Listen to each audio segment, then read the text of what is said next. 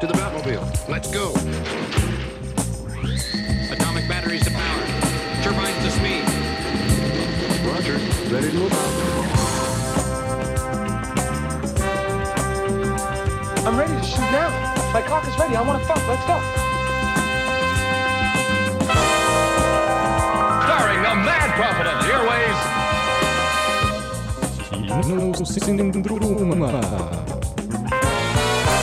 God torsdag formiddag, klokka er 11. Du hører på Kinosyndromet på Studentradioen i Bergen.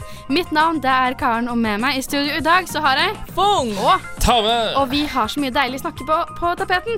Vi skal nemlig ta en liten Oscar-recap, for som mange av dere kanskje vet, så hadde Kinosyndromet en livesending hele Oscar-natten lang på søndag.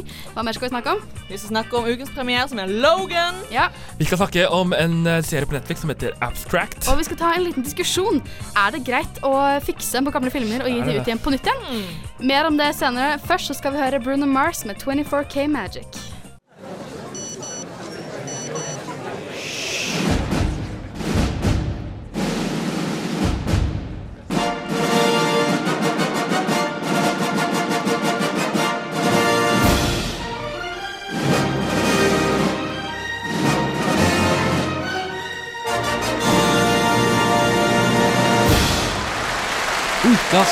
Premiere. Det du hørte der, det var Bruno Mars med 24K Magic. Og nå, folkens, er det på tide å snakke om det som er ukas filmpremiere, nemlig Logan. Den eh, nyeste X-Men-filmen. Og også den siste X-Men-filmen for både Hugh Jackman og Sir Patrick Stewart. Men før vi kommer til diskusjonen om akkurat det, eh, så la oss snakke om hva filmen handler om. Filmen handler om uh, Logan, eller Wolverine som de fleste kjenner han, eh, som begynner å bli litt gammel. Han drar på årene, uh, og nå har han møtt en jente, og hans, hans oppdrag er å få henne over grensa, for hun er en flyktning. Veldig kort oppsummert, det er plottet. Eh, og, ja. Vi har sett filmen. Hva syns du, Fung? Jeg syns han var dritkul. Han er veldig annerledes fra de andre X-Men-filmene og Marvel-universet generelt, selv om han ikke er Marvel Entertainment. Men han har litt western-feel, føler jeg. Litt sånn gammel uh, cowboy-ish. Uh, Jeg ser veldig godt hva du mener. Jeg ser veldig godt hva du mener. Den er veldig rå. ja Eh, han er jo R-rated i Ja, Amerika. det er den første Wolverine-filmen som er R-rated. For, for dere som lurer på hva det betyr, så betyr det at det er veldig mye blod og vold og gørr eh, og banneord og i det hele tatt alt som er eh, forbudt for små barn. ja. Og de sparer ikke på dette her i filmen heller, Nei, for å si det sånn. gir det så kult. Mm. Det er endeløse scener med blod og gørr, og Logan går og kapper av hendene til folk. Det er eh, nådeløst. Ja, jeg eh, personlig fikk dessverre ikke sett filmen, for at jeg måtte på en seminar, men jeg angrer eh, på at jeg dro på den seminaret. Uansett. Sad. Eh, det her er eh, den siste filmen til Logan, som du sa, etter å ha spilt i ni filmer på 17 år. Og, eh, og den er R-rated, som du sa. Og er, er, er, er det slik at dere som har sett filmen, er det slik at de bruker R-ratingen? Er det slik at du ser Ja, ja, jeg Ja, og bruker den for alt han er verdt, og det er jeg så glad for. Ja, det er ingen mangel på blod, og det er ingen mangel på gørr eller ban ban banneord eh, i det hele tatt. Men det er- den er fortsatt ikke blottet for humor, da, føler jeg. Det er viktig å si. Den er mørk, men det er fortsatt innslag av humor. Nei. Det er Marvel, Uh, Det er jo sånn du sitter der og får helt sånn emotional breakdown fordi alt er så mørkt. Det er noen sånne lyspunkter. Ja. Uh, og så er det slik at når jeg så traileren til den filmen, så var det slik Da fikk jeg på en måte følelsen av at den filmen her ikke var en X-Men-film, men en film som handler om denne personen Logan, og har tittelen Mm. Logan. Fra de to andre X-Men-filmene heter jo Wolverine og Wolverine et eller annet annet. Så føler den filmen her mye mer personlig og om Logan enn selve X-Men-universet. Ja, han er det. Han er mye mer personlig. Han tar for seg Altså, Logan er veldig gammel nå. Det er i fremtiden en eller annen gang. I en ganske dystopisk fremtid. Og det tar for seg hvordan Logan dealer med at han ikke er i sin prime lenger, og må deale med denne jenten og Sir Patrick Stewart sin karakter som Mm. Professor Xavier. Og han eh, prøver også å finne sin egen identitet utenfor X-mennene.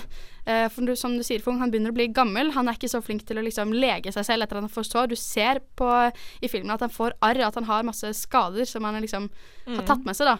Han er lei, han er sliten, han er liksom lei av å være en helt, eh, men samtidig så får han jo sjansen til å være helt.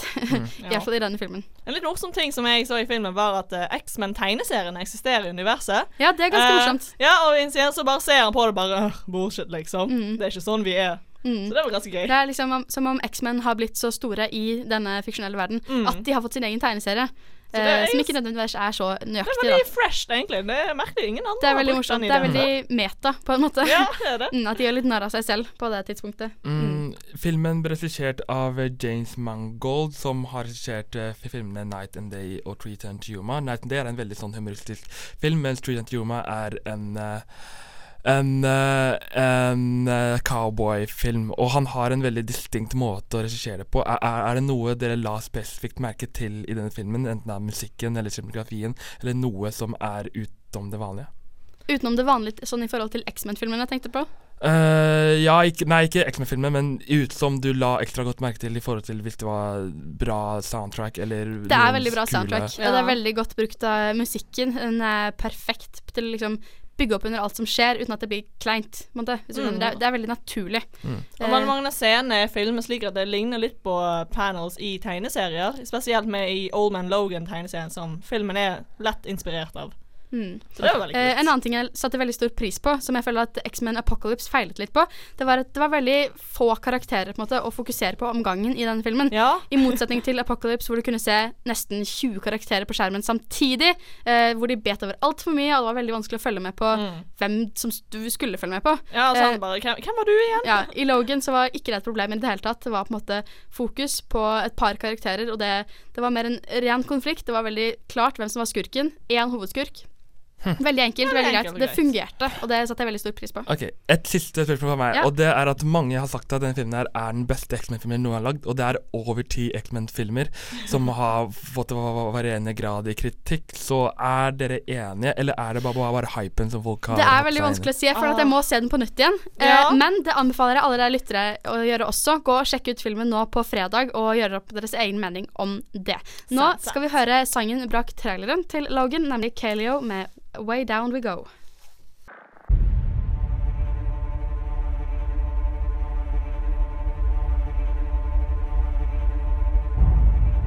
Ferreira is lost to us. He denounced God in public and surrendered the faith. That's not possible. Father Ferreira risked his life to spread our faith all over Japan. It seems to me that our mission here is more urgent than ever. We must go find Father Ferreira. Silence handler om to jesuittprester på 1600-tallet som spilles av Andrew Garfield og Adam Driver, som reiser til Japan hvor katolismen har blitt forbudt. Målet med reisen er at de- de skal finne deres mentor, som er spilt av Liam Neeson, som har avsverget Gud, og de har ikke hørt fra han siden da. Our Lord said to them, Go ye into the whole world and preach the gospel to every living creature. Vi blir med på deres reise gjennom Japan, hvor de opplever at myndighetene forfølger japanere som er kristne, og dreper dem hvis de ikke avsverger Gud. Dette gjør myndighetene for å renske Japan fra all vestlig innflytelse. This is in your hearts, and both of you. Then I must trust God has put it down. The moment you set foot in that country, you step into high danger. Etter hvert så skiller prestene sitt lag, og presten som er spilt av Andrew Garfield, drar til en liten landsby og lurer på hvorfor Gud er blitt taus når så mange av hans barn lider. It's too dangerous. We asked for this mission. Filmen sin historie har en veldig kristen overtone. De emnene som går igjen i filmen om å holde på troen sin uansett hva som skjer, er noe som ikke passer for alle. Det kan bli litt mye til tider. Selv om historien i filmen har sine svakheter, så er filmen vellagd. Dette er en film som regissør Martin Scorsese har brukt 30 år på å få lagd. Denne filmen er et lidenskapelig prosjekt, og det skinner gjennom hele filmen. Bildene i filmen er utrolig å se på. De har brukt veldig mye tid på hvor de skal filme, på rekvisittene og kostymene som blir brukt. Skuespillet er òg veldig imponerende. Det kan bli litt flatt til tider, og dialekter passer ikke helt med at de er fra Portugal. De er veldig bra spilt, selv om det er noen småfeil. Det som er mest imponerende, er skuespillet som kommer fra de japanske skuespillerne. Scorsese har funnet fram noen av de beste skuespillerne fra Japan for denne filmen. Martin Scorsese har prøvd å lage denne filmen i 30 år.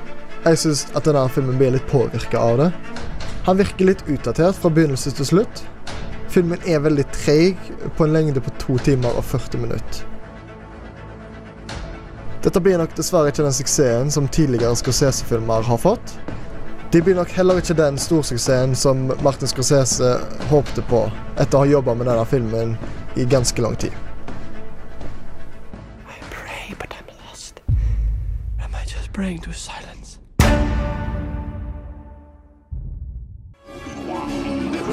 Told you what happened to your father. He told me enough. He told me you killed him. No, I am your dad. Nei, kutt, kutt, kutt. Det er I am your father. Ok, vi tar det en gang til på toppen. Du hører på Kinosyndromet. Action. Det stemmer, du hører på Kinosyndromet, og før det så hørte du Silja Sol med Ny liv. Nå, folkens, så er det på tide å ta en liten recap av hva som skjedde på søndag kveld. Og, eller natt, da. Hva var det som skjedde på søndag kveld? Nei, det var bare en liten ting som heter Oscarsendingen! Oh my god! Og vi hadde en livesending hele natta lang hvor vi snakket om alt som skjedde, eh, og vi fulgte med på hvem som vant. Og det var mye som skjedde! Ja. Mye! Ta med. Hva var noe av det som skjedde? Let me tell you! Ja. Det her skjedde. All right. Uh, la oss se. Uh, Casey Atlick vant uh, Oscar. Um, eh, For Best Actor? For Best Actor. For, for Best Actress så vant eh, hun eh, Emma Stone. Emma Stone. Mm. Eh, for Best Supporting Role så var det to afrika... Nei, mørkhudede folk som vant. Mm. For mannlig så var det Mahershala Ali. For kvinnelige så var det um, eh, Hun heter Viola, Davis. Davis. Og det var jo på en måte legendarisk, eller historisk, alle, i hvert fall de tre av de nominerte. Fordi Ja. at Emma Stone aldri vunnet en Oscar før. Mhm. Viola Davis aldri vunnet en Oscar før. Mahershala Ali aldri vunnet en Oscar før. Og Marshall Ali første muslimske som noen gang vinner en Oscar. Og første gang um, to mørkhudede har vunnet for begge supporting role-greiene. Mm. Så det var en stor kveld, for å si det minst Eller for å si det mildt. Uh, La La Land stakk av med hele seks seire.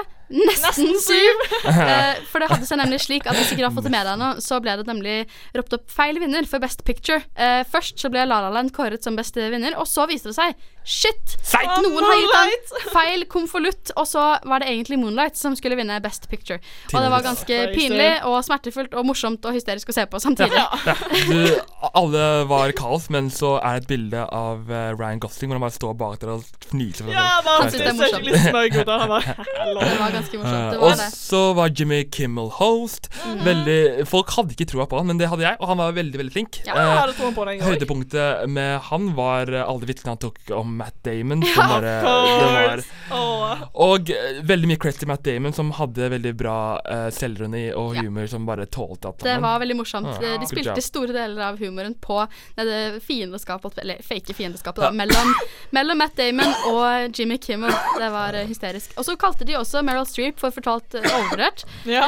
Før hun fikk en applaus. Det var Ja, ganske morsomt. det var Fordi eh, det var hennes 20. nominasjon, også historisk.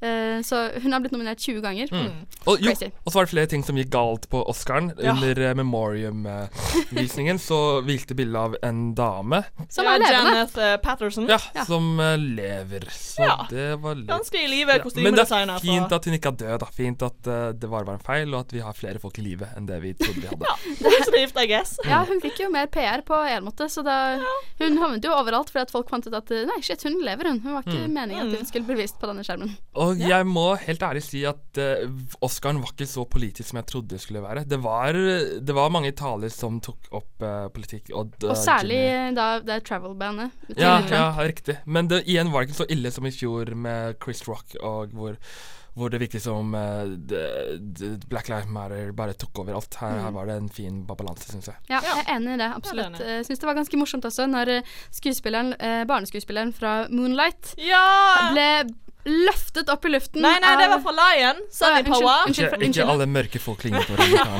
Eh, blandet de, beklager. Det var min feil. Eh, han ble løftet opp i været av Jimmy Kimmel, og så spilte de eh, Lion King. Å, det var Selvfølgelig. Lion. Lion King.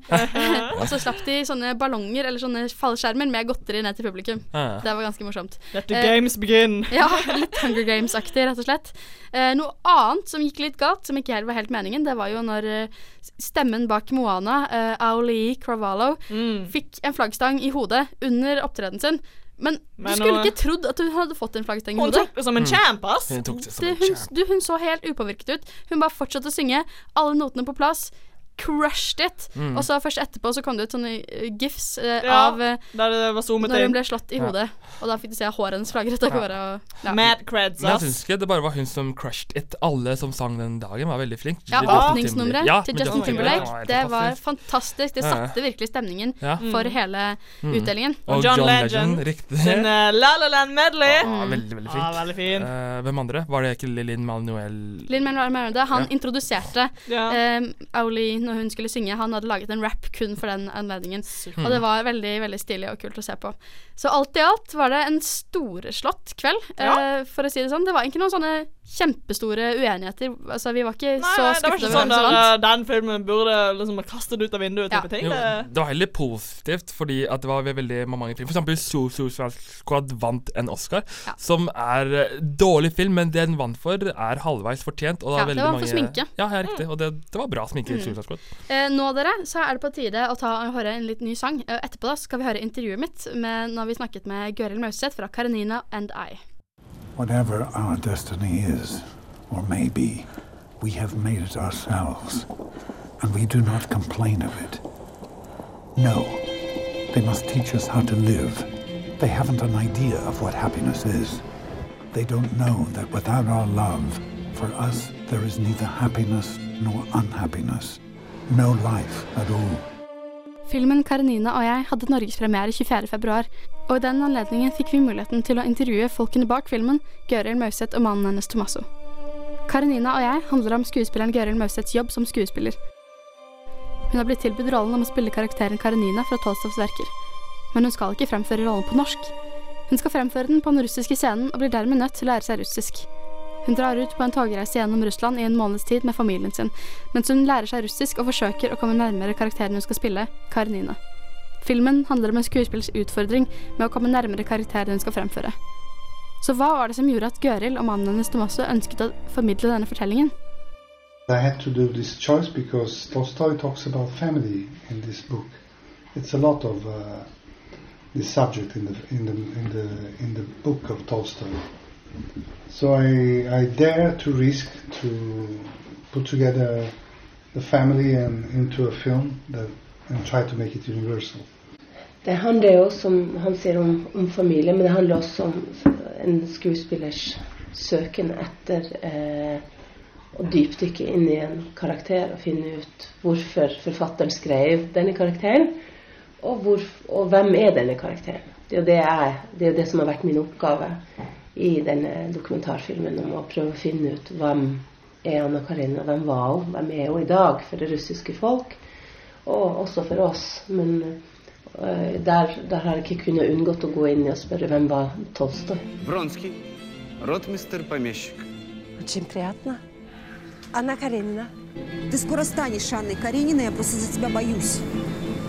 Я боюсь. И оно прирастает, оно врастает в твою кожу. Gøril fortalte oss at hun skulle fremføre rollen på russisk. Hvor lang tid tar det å forberede seg til en rolle på denne måten? Gøril fortalte oss at hun nå kan forstå nærmere syv språk, at hun snakker i hvert fall fem. Så du har lært deg russisk, som du sa i filmen, etterpå? Det holder jeg på med nå. Som jeg sa, the rest of my life. jeg lærte meg rollen. Ja. Jeg snakker Hvis jeg skal gå ut og kjøpe melk, eller så høres det ut som Jeg kan snakke om veldig alvorlige ting. Om kjærlighet, om svik, om, om skilsmisse, om, om de store personene, om sorg. Det, det er jo et godt utgangspunkt eh, for å lære seg et språk. Jeg snakker vel fem språk, men jeg forstår sju. Norsk, engelsk, italiensk, tysk, russisk. Det snakker jeg. Og så forstår jeg jo svensk og, og dansk. In the worst case, they they will fire me, and I will live my life in Siberia. Filmen ble filmet på en lang reise gjennom Russland. Dette medførte store utfordringer. Ikke nødvendigvis teknisk, men i større grad av finansiering, og at togene kunne endre tider og ruter, og at alt var på et annet språk, så det var ikke nødvendigvis alltid lett å finne fram til dit de skulle. So we didn't have all the money to make the film while we were starting the production. But we had to jump on the train on time to be there on time for the rehearsals. Yeah. So we had to decide uh, this crowdfunding uh, in in 42 days we should crowdfund uh, 60,000 60,000 euros. euros. And uh, this was the money needed to reach uh, Vladivostok with a small crew. And we risked to lose everything if we didn't manage in 42 days on the platform to collect So the the- money. When we were traveling, we discovered that all our booking were scaled three or four hours ahead or backwards. And so it was really risky to catch some trains because we only had two or three days. Of I stops. live 24 hours a day with Anna. Jeg kan ikke finne tablettene mine! Your pain is dragging me away, Anna. When did you lose your faith? Gøril fortalte at hun håper at folk ser filmen så de kan bli introdusert til Tolstovs verker, og at flere begynner å snakke om den. Det er en film uh, selvfølgelig som viser alle spektrene av kjærlighet, helt fra barndom til ungdom til uh, voksenlivet og til det vi blir eldre. Så Tolstoy uh, han beskriver familie, kjærlighet, tilhørighet. Han beskriver det så utrolig rikt. Og så det er en film også som, som jeg tror også vil eh, trykke på de kjærlighetsknappene vi har, eller de som ennå ikke er blitt trykka på. Alexei! Alexei! Ты и я для меня одно. We are asleep until we fall in love. Har du sett leppene til Ryan Gosling? Han er jo dritkjekk! Altså, har du sett kroppen til Ryan Reynolds? Han er mye kjekkere. Har du sett musklene til Ryan Gosling? Han Det er jo... ingenting imot Ryan Reynolds sin komiske det, timing. det er det dummeste jeg har hørt. Nei, vet du hva? I Kinosyndromet diskuterer vi de ferskeste nyhetene fra filmverden. Det du hørte der, det var ukas låt. Det var 'Dunderhonning' med N3 Lulin. Og nå, folkens, så har vi fått eh, med oss at det har kommet en ny serie på Netflix som heter Mhm. Abstract. Abstract. Og denne serien handler da om eh, kunst eh, og design og kunstnere og designere, og hvordan de blir inspirert i hverdagen. Hvordan, hvor får de inspirasjon fra? Kreativitet. Eh, Mm. Det er på mange måter litt likt som Chef's Table, Ja. bare for design og kunst. Ja. Er dere enig i det? Ja, ja, ja, det er en dokumentar, dokumentarserie som tar for seg hva som driver disse menneskene, og hvorfor de gjør det de gjør, og ja, de Ja. tanker. Den er delt inn i åtte deler, hvor eh, hver episode handler om en type kunst, som fotografi eller eh, Arkitektur, ja, arkitektur eller illustrasjon, og så videre. ja, og så videre. Hmm. Så ja. Det er veldig stilig. Um, fordi altså Jeg føler at denne serien er litt som Chef's Table. Uh, det fungerer veldig veldig godt som søndags-TV, Ja. hvis dere skjønner hva jeg mener. Det er liksom ja, veldig Det er veldig laid back, ganske avslappet. Hver episode er på 40 minutter, så du har liksom god tid til å sette deg ned og bare nyte det du skal sitte og se på. Mm. Så Er bare så spise middag, kose deg i en helg. Bare ja, ta på Mm. det abstract, liksom. Ja, ja, ja. Chill å se på. Og det som er så bra, er at på en måte, i den serien her, så får du Da får du på en måte en innsikt og sett bak hjernen til noen av de mest kreative hjernene vi har akkurat nå, og Mm. sett hvordan de lager de tingene de gjør, som er veldig interessant å se på. Og selve serien er laget på en veldig sånn kul og kreativ måte, hvor du, du hvor, hvor, hvor filmskaperen prøver å få deg inn i huet til denne personen. Ja, det er veldig veldig stilig, at du kan på en måte se et klipp, og så er det lagt inn en tegning i det klippet, men det ser ut som tegningen hører til i landskapet, for eksempel. Eh, eller at en, en, en person går inn og endrer på en tegning i, i klippet. Ja, er veldig, han brukte veldig visuelt uh, denne filmen. Fordi Mm. det er jo en film om kreativitet, og da må du bruke alle visuelle aspekter med det så godt som du kan. Og Det det, gjør regissøren veldig Ja. godt. De fokuserer mye på fargebruk også. Mm. Eh, hvordan et bilde kan være liksom Ha et par sånne aksenter av farger. Eh, sånn som når de filmer i New York, så har de fokus på gult, fordi Ja. at det gule hører til i eh, taxiene og på eh, tuben, holdt på å si, undergrunnslinjene. Veldig mye gult, da. Og det er veldig stilig hvordan du, de bruker fargene uh, ut ifra hvilket bilde og hvor de er i episoden. Mm. Eh, første episode handler om en kar som har uh, som har tegnet over 13 eh, og, og forskrift, nei, 13 eh, sånne illustrasjoner til uh, The New Yorker. Mm. Og uh, andre episode handler om fyren som designet Nike, osv. osv. Og det, det, det som er så fint, er at det får deg til å sette pris på alt disse folka gjør. Når du går ut i gatene og ser alle plakatene og alt som er lagd rundt deg, så så på en måte tenker du da, etter å ha sett den serien, på at det er faktisk folk som har stått bak deg, som har jobbet hardt for å gjøre at det du ser på nå, er, eh, er, Er det det er. ja. vakkert. Mm. For det, disse jobbene innenfor kreativitet blir jo ofte satt litt ned på i samfunnet. 'Å ja, skal du bli sånn kunstner, du?' Men de altså, har jo skikkelig stort impact på hele samfunnet vårt, og det blir vel satt pris på det etter å se den serien. Mm, jeg er enig. uh, men vil dere si at denne serien passer for hvem som helst, eller må man være litt spesielt interessert i kunst for å liksom nyte den fullt? Uh, greia er at i, i det, det er delt opp i åtte deler. Jeg personlig likte bare de to første episodene, for at det er to typer former for- kunst som jeg er interessert i. Så det er sikkert et eller annet for alle der, siden det er så mange forskjellige typer kunst som blir lagt ut. Så hvis du liker arkitektur, så er det sikkert en episode som du liker. Du liker eh, eh, fotografi, så er det en episode du kan se. Så igjen, det kommer an på hver person der, men jeg tror du finner noe der oppe, der inne for alle. Mm, helt enig. Ja, um, jeg vil kanskje si at du må ha en viss interesse for kunst for å på måte, sette pris på det. Eh, litt på samme måte som at du kanskje vil ha Du må være litt interessert i matlaging for å like Chef's Table. Altså det, det kan være at du har en sånn middels interesse, og da, det går greit, du kan se på det, men jeg tror ikke du virkelig vil sette pris på serien med mindre du er ordentlig interessert da, i design og tankene bak. Men samtidig eh, så kan det jo være en, en, måte en, en dør inn i denne Mm. verden som ofte blir oversett, som du sier, Fung. Eh, så er det jo ofte ikke så mange som snakker om kunstnere eller designere og grafiske designere og de som lager alt det som er rundt oss. Sant, sant. Det er veldig stilig. Eh, men ja, er dere enige at dette er en slags søndagsserie? Ja, jeg er veldig laidback, chill serie å se på. Så søndagsserie for meg, ja. Ja, jeg er uh, veldig enig. Sånn type Chef Table, Planet Earth eh, Ja, den slags. vibe. Mm. Rett og slett en kjempegod dokuserie som vi håper at alle der hjemme tar og sjekker ut. Den ligger på Netflix, som sagt, og det er i hvert fall første sesongen som ligger ute allerede. Eh, så gå og se den. Nå skal vi høre Kill Her med Stories. Big man in a suit of armor. Take that off. What are you? Genius billionaire playboy philanthropist. Du hører på Kinosyndromet på Studentradioen i Bergen. Du hører fortsatt på Kinosyndromet på Studentradioen i Bergen. Mitt navn er Karen, og med meg så har jeg Fong. Og, Ta med! og vi skal snakke litt grann om gamle filmer som blir fikset eller restaurert. Og så, eh, så sluppet ut på nytt igjen. Syns vi det er greit, eller syns vi det er liksom litt pengemelking Pengemelking? er det en ku som er tørr? Er det det? Kult Matter. Jeg uh, syns egentlig at vi bør la filmene være Nei, det syns jeg ikke.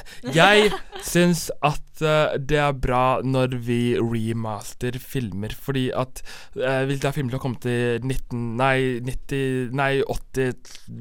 80-70, til og med 90-tallet, Ja. så er, har de vanligvis litt eh, dårlig kvalitet i forhold til det vi er vant til nå med 1080P og 4K 8K Ja, og ja, videre. Så, og, og så kjenner jeg faktisk en del folk som sier at Nei, jeg har ikke lyst til å se den filmen der, den er så jævlig gammel og ser ikke like bra ut, bla, bla. Så når? Så når de remaster filmer, så åpner det da for en ny eh, audience, var det på norsk? Ny Publikum. Ja, ny, ny, ny, ny publikum. Som, som jeg syns bare er bra. Som for eksempel det, det, de har gjort det med Jaws og uh, Mary Poppins, og til og med serier som uh, The Wire, Mm. som de har remastert, som har gjort at jeg, jeg kommer til å se The Wire på nytt pga. at det er remastert, fordi at det ser så jævlig mye bedre ut nå. Så jeg er alt for det, unntatt noen unntak som jeg kan ta etterpå. Ja, men det er Ja, jeg er helt enig med Taume, fordi for samme filmer på 60-tallet Det er ikke så mange nå som til noen som bare Ja, jeg skal sette på en film fra 60-tallet nå til helgen. Eh, men hvis du får en remaster får litt mer hype rundt det, bare Å ja, den filmen virker jo veldig kul. Eh, hvorfor ikke ta den på nå som den er i bedre kvalitet med fargekvalitet? Og ja, jeg syns det er bare bra at litt eldre filmer får en ny oppmerksomhet Mm. seinere. Jeg ser hva dere mener. Eh, nå må vi jo forklare da at det som ofte blir gjort når filmer blir eh, fikset på, er at eh, bildene blir gjort klarere, fargene blir gjort sterkere, eller de, de fikser opp fargene fordi at mange, mange gamle filmer er jo laget på film. Eller på filmruller, eh, hvor filmrullene kan ha blitt skadet, eller eh, fargene kan ha blitt fadet etter hvert som de ble digitalisert. Så, og når de da fikser på filmene, så har de en ny mulighet til å liksom få fram hvordan bildene egentlig så ut idet de var helt Akkurat ferske. som eh, Askepott, eh, Tre nøtter til Askepott, der kjolen endelig Vi får sett at den er blå. Det var jo veldig kjekt. Mm. Ja. Andre ting som også fikses på, er jo lyden ofte. Eh, det kan være litt skurr på den, og så legger de på et nytt lydtrack for å få det til å bli bedre. Eh, jeg vet at de har jo gjort det tidligere med Star Wars, Ja. og de skal nå gjøre det igjen med Star Wars. Ja, uh, det kan jeg snakke litt eh, om. Fordi at det som tidligere ble gjort, var at George Lucas Han uh, remasteret det. Han gjorde kvaliteten mye bedre. Fiksa litt på og sånt. Men det han også gjorde, var at han forandret faktisk på filmene. Og er han, det greit? Det, det er faktisk ikke greit. Det er, det er ikke greit i det hele tatt. Selv om det var han som startet greia, så det er slik at folk har minner og, og på en måte har De ser på disse filmene på en viss måte, og det får han å bare gå inn Og endre på det. Det- ting er For Mm. eksempel så var det slik at eh, når, eh, når Dark Raider dyt- dytta en fyr ut en eh, en sånn klipp, så var det han egentlig helt stille, men nå hadde han forandret til at Dark Raider skrek 'no!'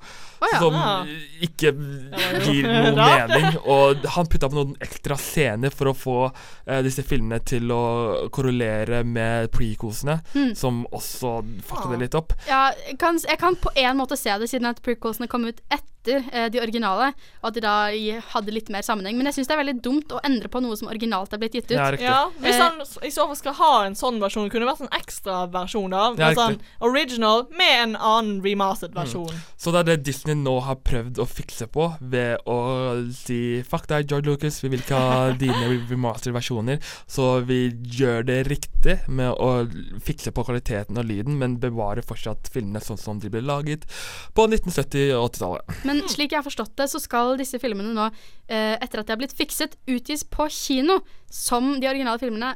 Er det greit? Fordi personlig så syns jeg at det er å melke kua litt for mye. Disse filmene er jo allerede gitt ut. Alle har sett de.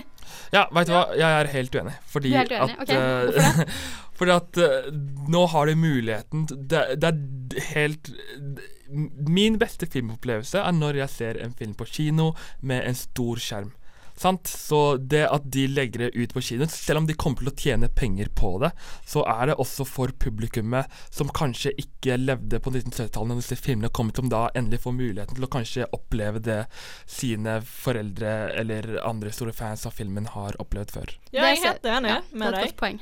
Ja, for Jurassic Park og Titanic ble også remastered og gikk ut på kino igjen. Og jeg var på begge disse, og det var veldig fint å opp, kunne oppleve de på kino i tillegg. Ja, Så kanskje flere vil forstå hvorfor det har vært så stor hype rundt dem tidligere, og man får muligheten til å introdusere et nytt publikum. Eh, nå, folkens, så skal vi høre Elementary Penguins, Penguins med 'Dancing On Your Rooftop'. That will conclude this evening's entertainment.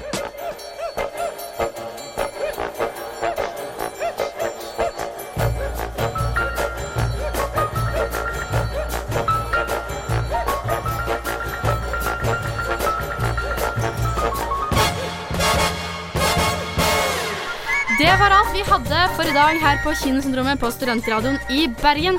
Eh, mitt navn har hele tiden vært Karen, og jeg har fortsatt hatt med meg Og, og vi har snakket om masse herlig filmsnakk. Vi har hatt en liten Oscar-recap fra Mhm. søndagens Oscar-utdeling. Vi snakket om ukens premiere, Logan. Vi har snakket om uh, Netflix-serien Affract. Og så har vi hatt en liten diskusjon. Er det greit å fikse på gamle filmer og gi dem ut på nytt igjen? Vi kom ut fram til at uh, ja, det, det er det. Så lenge det er gjort godt nok. Eh, ikke glem å følge med på Facebook senere denne, denne dagen, hoppsi, for det kommer ut en konkurranse der hvor du kan vinne kinobilletter. Eh, og i tillegg så har vi podkast på iTunes som kommer ut, og vi er også på srib.no hvor du kan lese alle sakene våre og høre oss om igjen og om igjen og om igjen. Fram til eh, neste gang så gjenstår det vel egentlig bare å si takk for oss Takk for oss. Ha det. bra!